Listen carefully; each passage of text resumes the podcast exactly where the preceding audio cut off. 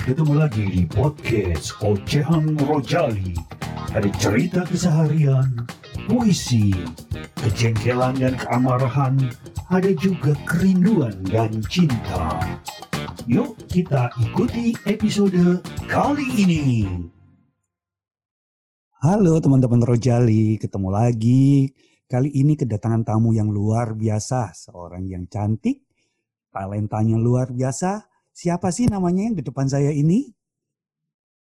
Halo, halo, saya Dita, saya seorang tarot reader profesional dan sampai dengan saat ini saya masih menjalani profesi saya sebagai seorang tarot reader.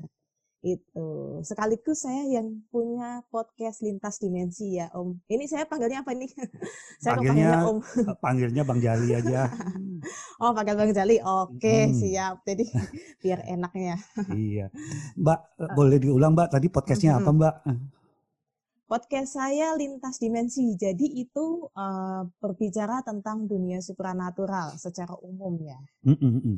Nah teman-teman Rojali, eh, itu coba dikunjungi, didengarkan, sambil dicari manfaatnya yang luar biasa manfaatnya pastinya. Lintas dimensi. Mbak, ngomong-ngomong tadi masalah tarot. Mm. Sebenarnya tarot itu apa sih Mbak? Yes. Kalau ditanya soal tarot itu apa, jawaban saya tarot itu kartu. Tapi kalau ditanya fungsi tarot, nah ini kalau di saya sendiri ya, fungsi tarot itu untuk mencari solusi dari masalah seseorang yang datang ke saya tentunya atau ke tarot reader yang lain gitu. Jadi penyebutan untuk orang yang bisa baca tarot itu namanya tarot reader. Tarot reader. Gitu. Mhm. Iya. Nah itu kalau solusi, solusi pandemi Gimana, atau solusi sakit hati nih Mbak? Waduh. solusi pandemi.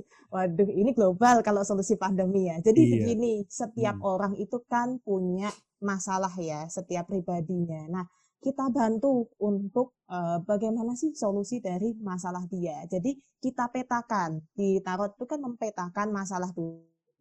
Jadi apa permasalahan utamanya, kemudian di akhir solusinya itu begini. Dan kami sebagai tarot reader itu hanya pemberi second opinion. Artinya adalah opini kedua. Jadi kalau misalnya orang itu mau ini ya selesai masalahnya tetap harus keputusan dari dia. Artinya dia nggak pakai solusi dari kami nggak masalah sih. Itu. Jadi fungsi tarot reader itu hanya bikin biar orang tuh pede aja. Intinya sih di situ, Bang. Oh gitu ya, bukan berarti Oh, menjadi oh. lebih tahu atau eh, sebuah pengubah takdir atau pengubah nasib ya. Oh, bukan, bukan, bukan, Oke. bukan seperti itu. Jadi kan kalau pengubah takdir atau nasib ya dari orangnya sendiri. Jadi ini ini ada loh Bang cerita tentang orang-orang ini yang ada yang marah ya sama kami tarot reader itu karena lo yang dibacain sudah dipakai caranya kok masih nggak bisa gitu kan. Mm-mm. Kembali kepada orangnya, dia nggak berubah juga kok. Jangan nurutin ke kita. Iya Kitanya ya. kan itu tadi balik lagi ya, kita second opinion. Kalau Hmm. kita pemberi opini kedua, kalau dia percaya sama kita doang ya kehidupan dia yang menjalani kok. Gitu ya. Kadang kan ingin ketawa sih sama orang-orang yang gini sih. Itu. Ya mungkin artinya memang eh, yang Rojali rasakan juga ya. Akhir-akhir ini memang banyak Hmm. orang yang desperate atau eh, kita kehilangan arah. Kita tanya ke B, informasinya beda. Kita tanya ke Galau lah. Ya, dalam posisi Kan? ini. Contohnya di tempat eh, kerjaan ya Mbak ya. Di kerja kerjaan kemarin Mhm, mhm. itu kami habis mem-PHK lebih dari 400 orang. Ada yang hamil, ada yang hamil tua, ada yang Mhm, ibunya sedang sakit keras dan sebagainya. Jadi mhm, hal mhm. itu karena kita nggak tahu, ketika semua pada tahu, kita hanya dirumahkan aja atau di PHK. Sampai kapan? Bahkan kita nggak bisa menjawab Mbak Dita. Nah, lalu peran second, Mhm. second opinion dalam hal itu kira-kira bisa membantu nggak Mbak Dita? Bisa bisa membantu. Tapi kembali lagi ya artinya harus ada usaha dong. Misalnya nah ini nih eh, perlu kita tekankan dulu bang. Jadi orang ketika datang ke kami seringnya itu pertanyaan yang tidak membangun. Contohnya eh, saya nih tiba-tiba dirumahkan gitu ya kayak tadi ya. Mm, mm, mm, mm. terus gimana? Besoknya saya kerja lagi nggak? Itu kan pertanyaan yang tidak membangun. Tapi kalau yang membangun tuh begini adakah usaha yang bisa saya lakukan ketika saya dirumahkan? Mungkin bisa jadi kan setelah pandemi ini berakhir bisa jadi dia dipanggil lagi gitu kan. Tetapi untuk mengisi kekosongan adakah yang bisa saya lakukan? Nah, kalau pertanyaannya seperti itu bisa membangun dia. Jadi kan kita akan bukakan oh solusinya begini gitu. Kalau apakah dia melakukan usaha atau dia melakukan pekerjaan yang lain atau dia melakukan hobi dia yang ternyata justru menghasilkan itu bisa kita kasih opini di situ. Kemudian kita kembalikan lagi ke orangnya gimana? Mau dilakukan nggak itu? Karena kita bukan melakukan magic loh. Kalau kita melakukan magic habis dari sini ini langsung tahu dapat kerjaan kan nggak bisa. Tetap harus dilakukan sama. Iya, Mbak Dita, aku ini kemarin-kemarin dulu itu Mudah-mudahan uh, pertemuan kita ini me mendapatkan satu pencerahan. Gini Mbak Dita. Oke, okay, oke. Okay. Gue menganggap bahwa tarot itu semacam klinik yang tidak bisa saya lihat karena saya dengan mata biasa saja gitu loh. Jadi masih ada kliniknya, hmm. masih ada uh, goibnya, oh, gitu loh Mbak. Oh, oke okay, oke. Okay. Gini Bang, uh, ada penjelasannya jadi dari kami tarot reader itu menggunakan tiga cara. Yang pertama itu secara psikologis, tetapi tidak bisa digunakan uh, maksudnya untuk uh, siapa anak-anak psikologi gitu ya maksudnya mm -hmm. masuk ke mata kuliah itu mereka masih meragukan meskipun sebetulnya ada ilmunya ada dan orang-orang lulusan psikologi sana banyak yang pakai om eh mm -hmm. om lagi maaf bang apa -apa. jadi sampai HRD itu ada yang pakai loh kartu tarot ini untuk seleksi pegawai baru ada disuruh milih kartu itu ada. Kemudian ada lagi yang memang pakainya secara klinik. Ini yang memang dia dukun, dia memang paranormal, itu pakainya tarot juga ada. Nah, yang ketiga ini saya yang pakai. Saya pakai secara psikologis maupun secara kliniknya saya pakai. Jadi kalau kasusnya si klien ya, saya nyebut mm -hmm. orang yang datang ke saya itu memang masalahnya ada hubungan dengan dunia supranatural baru saya pakai itu. Tapi kalau hubungannya dengan masalah psikologis ya saya nggak pakai itu. Benar-benar logiknya yang saya utamakan dulu gitu. Karena bukan apa-apa ya namanya orang Indonesia tahu sendiri lah. Apa sih uh, selalu paranormalnya yang dikedepankan, supranatural yang dikedepankan, padahal belum tentu bisa jadi dari sisi psikologis dia sendiri itu. Iya sih Mbak, saya kalau misalnya ada jadi, tamu tapi saya nggak pengen tamunya itu lama-lama, hmm saya ke dapur terus garamnya saya tabur-taburin katanya seperti itu. Padahal kan klinik gitu ya. saya tabur-taburin oh. garam di belakang gitu. Padahal ya nggak ada hubungannya sama tamunya gitu. Enggak. Aduh, jadi ketawa.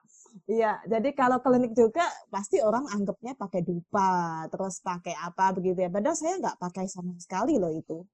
Iya, hmm. nggak pakai hal-hal yang semacam itu klinik yang dimaksud memang ada saya ada sih kemampuan itu memang dari kecil ya. Jadi mm -hmm. itu yang dipakai.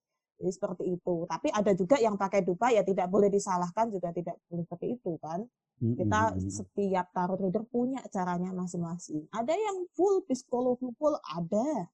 Mm -hmm. memang dia tidak mau menuju ke rasa ke ranah sana atau memang mereka tidak punya kemampuan ke sana.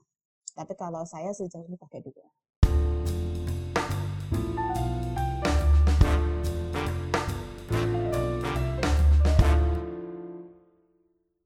Mbak Dita, apakah mungkin hmm.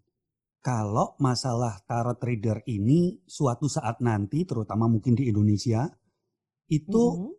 ada sertifikasinya gitu? Artinya ada satu tolok ukur di mana orang ini layak menjadi tarot leader atau tidak. Karena saya pernah ketemu dengan seorang teman, dia juga hmm. mengaku, oh aku bisa hmm. baca tarot, gitu ya. Tapi menurut saya nggak seperti Mbak gitu, nggak mem memadukan beberapa kemampuan dan tidak mendorong orang itu untuk berubah gitu loh Mbak. Jadi eh, gambarnya misalnya hmm. gambar apa ya gambar eh, seorang raja eh, bawa hmm, pedang. Oh ini katanya, oh ini bakal mau dibunuh sama pedang. Oh, hal, hal seperti itu sehingga masih banyak di Indonesia ini tarot reader, tarot reader, tarot reader yang kemampuannya itu juga kita juga nggak tahu gitu loh mbak. Nah ini yang menjadi masalah utama juga sih ya bang. Jadi memang bisa jadi suatu saat disertifikasi, tapi kalau saat ini memang hanya lembaga pelatihan tertentu yang mensertifikasi. Mm, Tapi mm. itu kemudian digunakan secara nasional sih agak susah ya. Ya kita kayak misalnya ikut seminar kan ada sertifikat. Ya cuman kayak gitu aja penggunaan mm, sertifikat karena tanda bahwa dia sudah ikut pelatihan, tetapi tidak bisa digunakan untuk menunjukkan bahwa oh orang ini memang profesional, oh orang ini memang dia berbakat ataupun memang sudah benar-benar ahli. Tapi kalau bagi kami sendiri kan tarot reader yang bernama madam, misalnya ada panggilan madam itu. Kalau cewek itu madam, kalau cowok, aduh, saya nggak tahu, nggak, ngerti ya ada panggilannya. Itu Mm, mm. dikata madam bahwa kalau dia tahun itu sudah patokan 15 tahun dan itu bukan waktu yang sebentar. Tapi kalau yang dia di bawah itu ya makanya saya selalu mengakui wah saya masih junior, saya juga masih enam tahun Wah kalau tahunan masa ya junior mbak yang sudah 15 tahun. 15 tahun ya berarti Ah, iya lah karena kan bisa jadi ilmunya berbeda. Mm, mm. Itu. mbak tarot reader ini sebenarnya adanya mulai kapan sih mbak Masal tarot deh kartu tarot bukan tarot Kalau di Indonesia sendiri kartu tarot Mm, mm. awal tahun udah lama sekali. Tapi yang jelas asal mulanya memang dia dari Eropa. Dan Oke. awalnya justru ini permainan ya kayak kita main remi biasa gitu loh bang. Jadi kan mm, mm, oh main nih kartu gitu. Dan di. Eropa tuh digunakan seperti itu. Bahkan kartu ini sejarahnya yang pernah saya baca itu Mm, dijadikan sebuah hadiah pernikahan kalau nggak salah ya di Eropa itu. Dan akhirnya ada sih ada yang mendokumentasikan. Cuman sayangnya ada beberapa kartu yang hilang. Jadi kayak saat itu karena kan yang datang orang-orang bangsawan. Ya karena kan kartu ini kan dulu kalau dilukis benar dilukis ya nggak ada percetakan. Jadi kartu ini dilukis bener kalau zaman dulu. Kan Mm, mm. di sini ada 78 kartu. Ya udah dipakai sama orang-orang bangsawan tuh untuk main. Main aja main kartu gitu kayak layaknya kita main sama teman-teman kita gitu nah dari kartu tarot ini ada turunannya. Tapi orang memang tidak pernah menyadari ya ini Mm, menurut saya ya Bang. Jadi mm, turunannya remi 52 mm, mm. jadi kalau dilihat di tarot ini ada sebetulnya yang namanya mayor eh, minor sorry minor arkana itu itu yang 52 kartu yang nantinya akan menjadi kartu remi yang kita kenal. Oh, minornya. Iya iya Jadi, iya. iya. adiknya gitu. Tapi Iya, tarot ini iya. kakaknya Oh gitu. iya Ya ya ya ya. Mbak menarik ini Mbak. Mm-mm. Eh, Mm-mm. kembali lagi. Jadi tadi itu sebenarnya kalau itu dari permainan ternyata apa yang menyebabkan itu sehingga banyak orang mempercayai hal ini Mbak.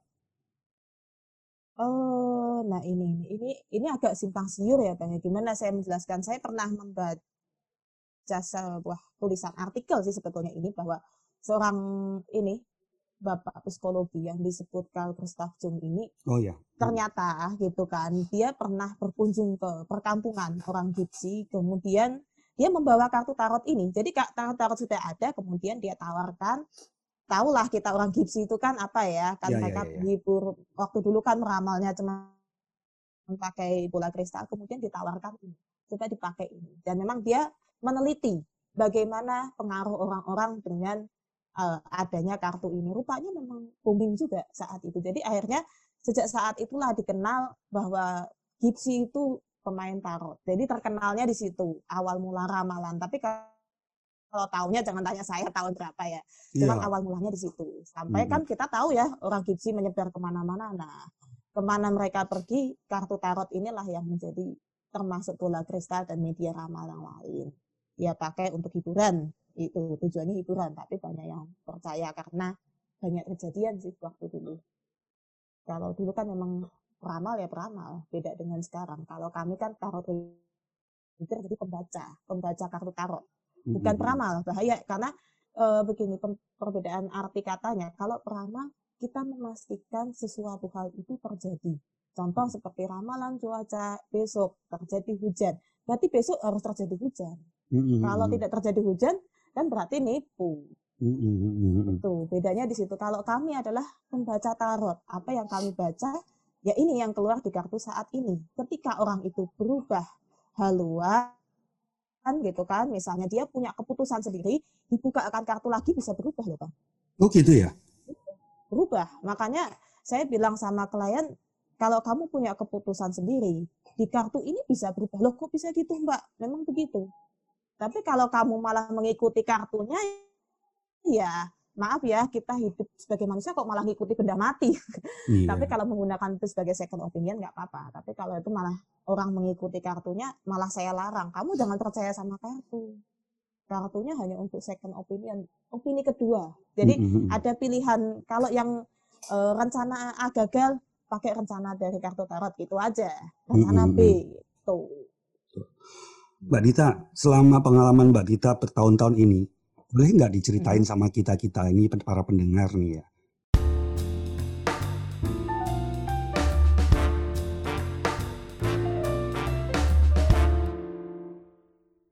Kisah sukses Hmm. ketika membaca kartu tarot ada satu, tapi dirahasiain aja nama kliennya Mbak. Tapi Udah lupa sih nama klien. saya nggak pernah nginget kalau nama klien. iya iya, ada satu hal yang sangat menarik sekali nggak Mbak? Ada dan memang dia sampai dengan saat ini tidak kembali lagi untuk konsultasi. Saya malah lebih suka ya, lebih suka hal semacam itu. Berarti dia ada dorongan eh, apa untuk berubah lebih baik. Ini ceritanya gini bang. Jadi ada yang tiba-tiba WA gitu kan, betul Mhm. ini Mbak Dita yang tarot reader. Oh ya betul, gimana ya? Saya mau minta dibacakan kartu, tapi dia hanya menyebutkan waktu itu nama dan tanggal lahir kalau nggak salah kan. Mungkin butuh ini. Tapi kalau saya bilang, wah tanggal lahir saya nggak butuh nama lengkap aja. Oke, sudah saya bacakan. Akhirnya dia bilang bahwa oh eh, iya Mbak, jadi dia ini galau gitu. Mhm. Dia ini padahal mau dipromosikan jadi atasan. Mm-mm. Kalau nggak salah manajer apa gitu, saya lupa di pabriknya boleh sebut nggak ini? Pabrik terkenal, pabrik motor terkenal. Oke, pabrik Hmm. motor terkenal. Nah, dia bingungnya itu saya tuh disuruh maju, tapi saya nggak pede. Tapi menurut atasan saya, yang di atas saya banget banget, Mbak, saya itu sudah mumpuni gitu. Saya punya yang apa yang dibutuhkan untuk manajer ini gitu, untuk manajer yang ditawarkan.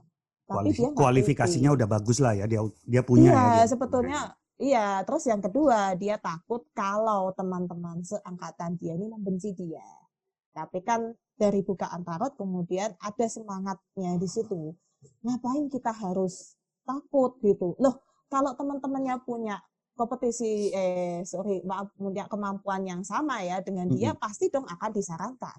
Toh nyatanya disarankan dia gitu yang Hmm. dipromosikan jabatan dia. Kenapa nggak diterima? gitu kan nanti ada kesulitan mbak iya saya tahu namanya menjadi seorang atasan itu ada kesulitan apalagi kita memimpin teman-teman yang dulu seangkatan sama kita itu wajar tetapi kan kita harus bisa memposisikan bagaimana menjadi seorang pemimpin yang baik gitu Benar. ya membuat orang pede itu luar biasa lebih susah ya bang ya Iya, saya aja Daripada- pede. Oh, itu. akhirnya dia berpikir lama. Oke, terima kasih. Saya jadi pede setelah pembacaan ini dan kaget sih surprise ya ketika Mhm. ditransfer. Oke, langsung saya transfer gitu. Jumlahnya melebihi yang saya minta. saya juga bingung. Loh, ini kelebihan ini saya saya transfer balik ya atau gimana gitu. Enggak, enggak, Mbak. Ini memang sudah untuk Mbaknya eh, saya puas dengan bacaan tarot ini terima kasih saya sudah semangat lagi gitu saya ada power untuk bisa menerima itu tadi promosi jabatan dan sampai sekarang memang tidak konsul lagi Oh, saya Tapi yang ya ditransfer- mungkin sudah jadi ya. Transferan tadi lebih dari BLT ya, Mbak? aduh. Lebih dari BLT ya enggak lah aduh. Ya paling berapa? Saya kalau ah, iya ya eh, ngomongin soal ini biaya kan saya tuh malah di bawah banget sih ya bang ya sama tarot reader yang lain. Jadi nggak mau apa kalau BLT 600 ya Iya. saya nggak nyampe segitu teman-teman dari 500 satu juta aduh saya nggak berani ya masih di angka 100 200 lah jadi lebih dikit gitu lebih lebihkan 100 ribu sama dia gitu yang saya bikin Mbak Dita, temanku itu yang aku tadi cerita dia dia bilang sosokan bisa juga. itu, dia udah pasang satu juta sampai 2 juta. Padahal dia kalau baca itu cuma dilihat gambarnya terus ditebak-tebak. Eh, Mbak, saya tanya kan, "C, ini bener nggak kayak gitu?" Udah diem aja, pokoknya orangnya percaya gitu. Dia Aduh, belum tahu ya. rumahnya, belum pernah kita bawain kartu tarot dari Gombel. Kartu tarot dari Gombel apa itu? Gombel kan Semarang ya, Mbak? Mbak dari Semarang bukan? Iya. iya. Enggak, maksudnya kartu tarot Gombel. Berarti hasil pura-pura hasil dari apa namanya perjalanan yang Iya. jauh dan sulit karena kan eh, di Gom- Bukit Gombel itu kan Oh. perjalanannya tak menanjak dan apa gitu ya. Oh. Oh. oh, ya ya ya ya ya ya ya, ya paham, paham. Gitu. Kirain apa-apa. Nemu di Bukit Gombel ada kartu tarot, wah lumayan. Iya. Jadi mestinya carinya di Aduh, apa iya, namanya iya, di iya. pabrik gula apa namanya di Semarang itu yang beken itu seka- sekarang jadi udah kosong tuh pabrik Gula gula apa apa. ya namanya? Ada namanya itu di dekat Banyumanik sana. Ah, ada sih yang berhantu itu ya katanya. Aduh, lupa. Iya. Iya. Tapi tarot ini bukan urusan sama hantu kan, Mbak? Nah, itu kembali lagi kepada tujuannya dari tarot reader itu. Saya kadang kan pakai juga buat untuk komunikasi kayak gitu sih, Bang. Kalau makanya tergantung. Kadang kan nyambung. Anehnya misalnya ya kita buka kan, ini maaf tentang orang yang memang sudah meninggal kan ada yang pengen tahu sebetulnya apa pesannya itu tiba-tiba nyambung. Jadi kadang kan saya merinding, waduh, ada nih nyambung nih gitu kan. Karena kan disebut nama lengkapnya ya. Waduh nyambung nih gitu kan. Tapi dia tidak berbicara melalui bisikan tidak. Tetapi dari bukaan itu saya buka tetap tetap wah ini bukan energi manusia ini memang nah rasa begitu ya sudah. Saya, tapi saya sampaikan apa adanya. Ini kok saya nyambung dia eh, saya sampaikan apa adanya sesuai yang disampaikan oleh almarhum apa almarhumah begitu. Paling hanya sekedar itu sih tapi kalau makhluk yang lain waduh saya juga nggak berani. Karena kan negatif ya energinya takutnya kan saya nggak bisa ngimbangi kalau itu kan dari orang meninggal yang komunikasi ini korin korin itu jin yang mendampingi selama beliaunya ini masih hidup jadi kan tahulah Mm-mm. sejarah hidup dia dari awal sampai akhir. Itu makanya Nah, kembali lagi kepada tarot readernya mau dipakai buat apa. Jadi cara untuk sebenarnya tujuan tarot reader itu para teman-teman tarot reader ini adalah memberikan opsi atau pilihan, tapi bisa menjadi rambu-rambu nggak Mbak? Kalau misalnya eh, si A nih ya, dia misalnya kisah cintanya, dia katakan begini, ini cewek cantik, Mm-mm. terpelajar, baik, tapi kok nggak nikah-nikah gitu. bisa menjadi rambu-rambu bisa. Bisa sih bisa ke arah sana dan beberapa kali saya juga ngasih tahu kan misalnya dia disukai sama dua orang si cowok A cowok B begitu kan. Ini mana nih mbak yang baik kok? Dua-duanya ngedeketin gitu. Biasanya ada warningnya juga di situ tapi kembali lagi ke dia. Bagaimana? Kalau sudah cinta tuh kadang mengalahkan segalanya ya bang ya. Aduh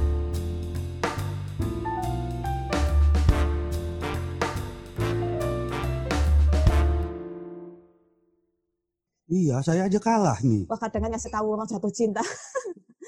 Aduh, saya udah wah kalau dia sudah nggak nggak- bisa lagi ya ya sudah saya nyerah ya silakan kembali lagi aja. Artinya terjadi sesuatu ya kapok terserah dia deh gitu kan. Tapi Iya, ada iya, juga iya, sih yang bilang memang ada yang bilang juga wah bener nggak ternyata begini ya. Ya sudah tapi kan sudah kamu jalani. Ya dia nggak bi- ya mau putus gimana itu sudah keputusan dia kan seperti itu tadi kan pembuat keputusan adalah dirinya dia sendiri atau diri kita sendiri bukan saya. Saya hanya memberikan kayak gini loh gitu. Bisa nggak Mbak kira-kira kayak gitu gini, Mas atau Mbak, kalau dari bacaan tarot Hmm. ini mendingan diputusin deh, gitu. Bisa nggak seperti itu? saya pernah sih pernah begitu juga sih. Cuman biasanya dari si orang ini ada kendala bang. Maksudnya kendala gini aduh saya udah kenal nih sama keluarganya deket gak enak gitu Eh, aduh atau gini kecuali memang dia sudah melakukan victim ya apa kekerasan ini ya fisik iya, iya. wah ya, kalau itu sudah wah udahlah udah udah mending inilah pidana itu Mbak. kan. Mm-mm. Iya, kadang kan nggak ada yang mau ngaku kayak gitu-gitu tuh. Karena Iya. di keluarganya baik, tapi di luaran, nah. itu. Itulah yang terjadi ini- juga di generasi sekarang nih Mbak nih. Eh, generasi Nah. sekarang ini kebebasan itu menjadi sedikit salah penafsiran mungkin ya. Orang dulu bilang kangen itu rindu. Kalau anak sekarang pacaran kangen itu beda maknanya. Itu yang bahaya. Hmm. Tahu-tahu pulang hamil gitu ya kira-kira ya. Tahu-tahu tuh pulang udah ada dua. iya, padahal udah gede, udah tahu. eh, Jangan masuk rumah main di pekarangan aja gitu. ya. Nah, apakah untuk anak-anak muda tarot juga bisa membantu karena mereka pasti bingung dengan pilihan-pilihan karir mereka, pilihan-pilihan eh, jurusan mata kuliah yang cocok atau kemudian mau Hmm. daftar pekerjaan mana itu menjadi kegalauan milenial tuh Hmm. Mbak. Apakah kartu zaman bahala ini ini masih koheren atau berlaku untuk generasi milenial ini, Mbak? Saya beberapa kali bukakan kartu untuk mahasiswa ini malah bang. Heeh. Jadi pas di event-event gitu kan pernah ngisi kan di Ya, ya, event ya. mahasiswa itu ada yang tanyanya seperti itu. Mbak, saya ini jurusannya pas nggak gitu. Dan ternyata dia sudah terlanjur jebur gitu ya, udah Hmm. terlanjur masuk ke kolam, rupanya wah nggak cocok nih. Waduh gimana? Tapi biasanya kalau terjadi semacam itu sudah terlanjur masuk ya, saya sarannya adalah bukan kamu tolak, ya sudah kamu jalani. Karena kalau keluar kan tidak memungkinkan ya jalani tetapi di tengah jalan kamu ada hobi nggak? Langsung saya tanya gitu, ada enggak? Hobi saya ini. Nah, kembangkan hobi kamu itu yang kalau bisa itu jadikan itu sebuah profesi nantinya. Gitu. Hmm. Jadi jangan ditolak dulu karena kan sudah terlanjur masuk kecuali dia belum masuk. Mbak, saya jujur saya cocok apa? Oh itu enak gitu. Tapi kalau ada yang sudah masuk kayak yang dulu pernah datang ke saya, ya saya bilang hobi kamu apa? Ada mbak saya bikin komik. Oke, kamu bikin komik aja. Jadikan itu sebuah profesi nantinya kamu berlatih gambar terus bikin cerita sampai dengan itu lebih baik lagi. Malah saran saya ke situ. Nah, itu untuk menghadapi kegalauan gitu. Tapi ya kita tahu ya generasi sekarang itu kan kalau kolot sih bukan, cuman egonya itu tinggi. Tapi saya maunya ini mbak. Kalau saya sudah ngadepi itu ya sudah mau kamu itu ya sudah kamu jalani gitu. Tapi kok di kartunya begini, lah ini kan saran. Berarti saya Hmm. kembalikan begitu. Ini tidak harus kamu turuti. Hmm. Kalau kita menghadapi orang yang keras, bukan kita hantam. Tapi kita lembutkan itu suatu saat ya bisa kena. Kecuali memang orangnya tidak bisa lagi ya sudah. Nunggu dia kapok kalau bahasa saya itu gitu. Sama orang yang keras ya. Mm-mm, mm-mm. Mbak Dita, Itu sih. Dalam situasi physical distancing, nah, Hmm. sekarang ini kita ngomong COVID ini sulit untuk bertemu gitu ya. Apakah hal ini juga bisa dilakukan secara daring, Mbak? Jadi misalnya kliennya ada di Surabaya gitu. Sih, malahan saya klien saya seringnya dari Jakarta malahan, bukan dari Semarang. Karena sejauh ini untuk pangsa pasar tarot malahan, ataupun kalau kita mau mengembangkan bisnis tarot itu, orang Jakarta lebih mudah percaya dengan tarot daripada orang Semarang ataupun oh Surabaya juga bisa sih pernah juga dari Surabaya. Karena begini ya Bang, masalahnya yang di Jakarta itu kan orang itu tuh susah untuk menemukan teman curhat tapi bisa memberi solusi. Maaf, ini maaf saya bongkar aja rata-rata mereka itu nusuk dari belakang. Kalaupun udah jadi teman curhat. Betul. Itu. Jadinya mereka mencari orang yang bisa dipercaya, habis itu lenyap. Udah setelah curhat yang penting mereka lega. Jadi kami ini tempat sampah ini sebetulnya. tempat buang sampah, buang curhatan, sudah habis itu mereka lega. Karena manusia itu kan butuh untuk membuang energi negatif. Daripada disebut gila nanti. Wah, saya banyak itu Mbak Dita energi negatifnya itu. Apalagi kalau udah nggak punya duit neg- negatif mulu saya ini Mbak. Banyak ya segera ini ya. iya. Kalau masih agak oke-oke gitu, senyum saya masih banyak gitu Mbak Dita. Mbak Dita, terus kalau misalnya itu ternyata bisa gunakan daring gitu ya. Ini teman-teman pendengar Hmm. kalau ternyata dia dalam kegalauannya, dia membutuhkan eh, rambu-rambu melalui tarot atau butuh bantuan dari seorang Mbak Dita, gimana caranya nih Mbak Dita? Bisa ke nanti WhatsApp saya. Tapi kalau saya sih udah jarang ya sekarang WhatsApp malah lebih banyak ke Instagram. Jadi ke Instagramnya podcast underscore selintas dimensi itu bisa. Jadi DM aja saya, nanti saya balas di situ. Bukan apa-apa sih kalau pakai WA tuh gimana ya? Kadang kan agak lama pesan itu masuk. Tapi Ya, Tapi ada toolsnya cepet? ya Mbak ya. Saya Eh, udah, yaudah saya ke sana aja. Oke. Ya, Apa podcast ada. lintas dimensi ya? Iya, podcast underscore lintas dimensi. Atau cari di Instagram podcast lintas dimensi gitu aja. Nanti kan otomatis ada di Nah, situ. Jangan sampai salah, harus ta- tanya dulu sama yang berpengalaman, tanya Mbak Dita. Eh, Mbak kalau tarif nggak perlu diomongin ya Mbak. Boleh diomongin nggak? Kalau Boleh. saya belak-belakan aja. Oh, Iya, Mbak. boleh. Karena kalau saya itu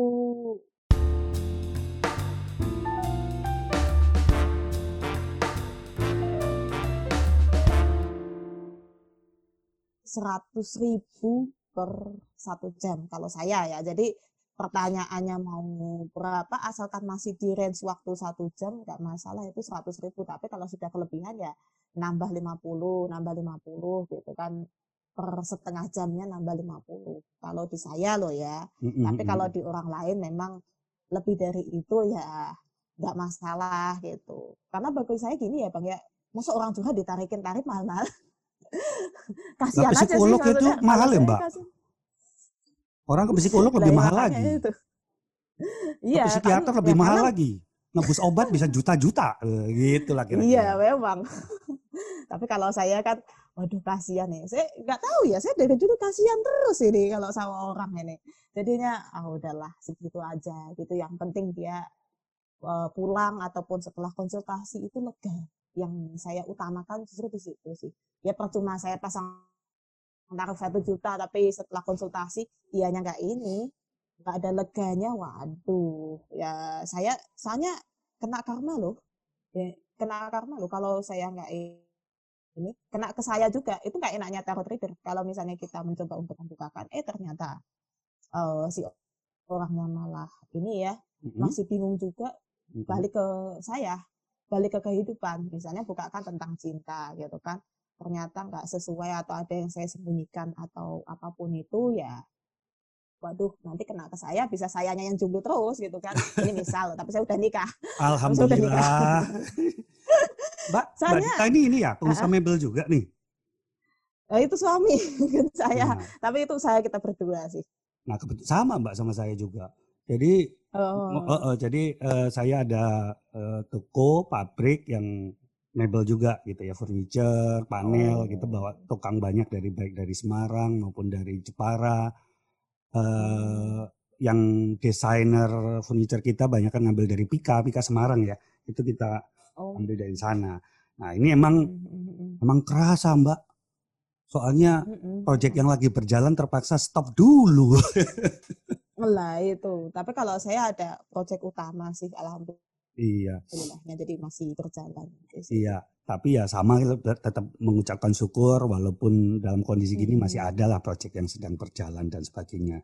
Karena Mm-mm. eh, itu enggak akhirnya tadinya sempat membuat putus asa ternyata kita nggak boleh putus asa ternyata masih banyak jalan yang di- bisa dilakukan. iya Mbak Dita terakhir mungkin Mbak Dita. Apalagi daya tarik yang secara nyata dari tarot ini Mbak. kalau untuk masyarakat Indonesia justru daya tariknya hanya satu-satunya di klinik itu kalau dari kostum ataupun gaya ataupun apa rasanya apalagi dengan masa pandemi begini kan tidak ada event atau acara jadi kurang ya tetapi Mm-mm. kalau dengan ada hal-hal klinik masuk ke dalam tarot itu orang Indonesia tuh hiburannya di situ bang. Orang Indonesia tuh hiburannya di klinik itu justru kita masukkan ke situ. Tapi maaf ya Mm-mm, Eh, mm-mm. kebanyakan ngawur. Bahkan teman saya ada yang ngawur juga memasukkan unsur klinik ke dalam tarot ya makanya kemudian saya bahas di podcast itu untuk mengedukasi meluruskan gitu. Jadi yang benar ini bagaimana jangan sampai malah udah tarot reader buka kliniknya juga eh menyesatkan waduh ini nggak mengedukasi malah menyesatkan saya hanya pusing juga ya pusingnya adalah ya malah orang jadi makin bodoh begitu ya dengan Iya hal-hal yang di luar logika manusia. Waduh, luar biasa. Mbak, mungkin saya ada pertanya- pertanyaan satu lagi nih Mbak. Jadi begini Mbak, Oke. eh, ada orang yang percaya dengan dosa asal, ada yang percaya dengan dosa turunan, atau Mm-mm. orang bicara tentang namanya karma.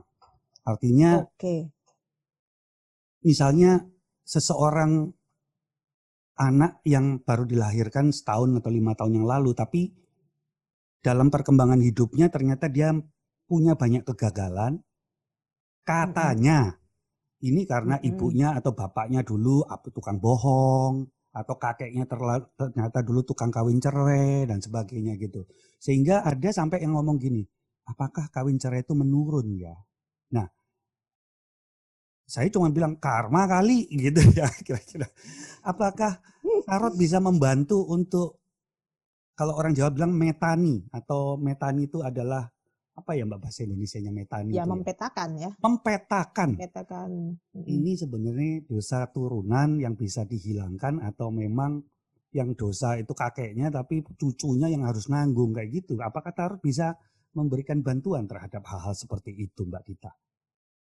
Kalau dari tarotnya bisa, tapi saya sendiri sebelum membuka tarot pasti akan bilang. Pertama ya, namanya karma itu perbuatan dari hasil dari perbuatan buruk maupun perbuatan baik diri kita sendiri. Itu karma. Jadi mau kita berbuat baik itu ada balasannya, berbuat buruk pun ada balasannya. Yang pertama itu. Nah, yang kedua, kalau masa itu tadi ya seperti kakeknya kawin cerai kemudian Hmm. membawa nggak ke keturunannya, itu sih kembali lagi dari apa yang kita li- lihat sih sebetulnya sih. Karena ini maaf eh, ada juga yang seperti itu dan nyatanya tuh yang di kehidupan sekarang berarti cucunya itu ya Mm-mm. enggak juga enggak dia enggak ini kok enggak kawin cerai enggak tetapi kakeknya kawin cerai kawin cerai ada. Tapi begitu cucunya enggak gitu. Jadi tidak terbawa.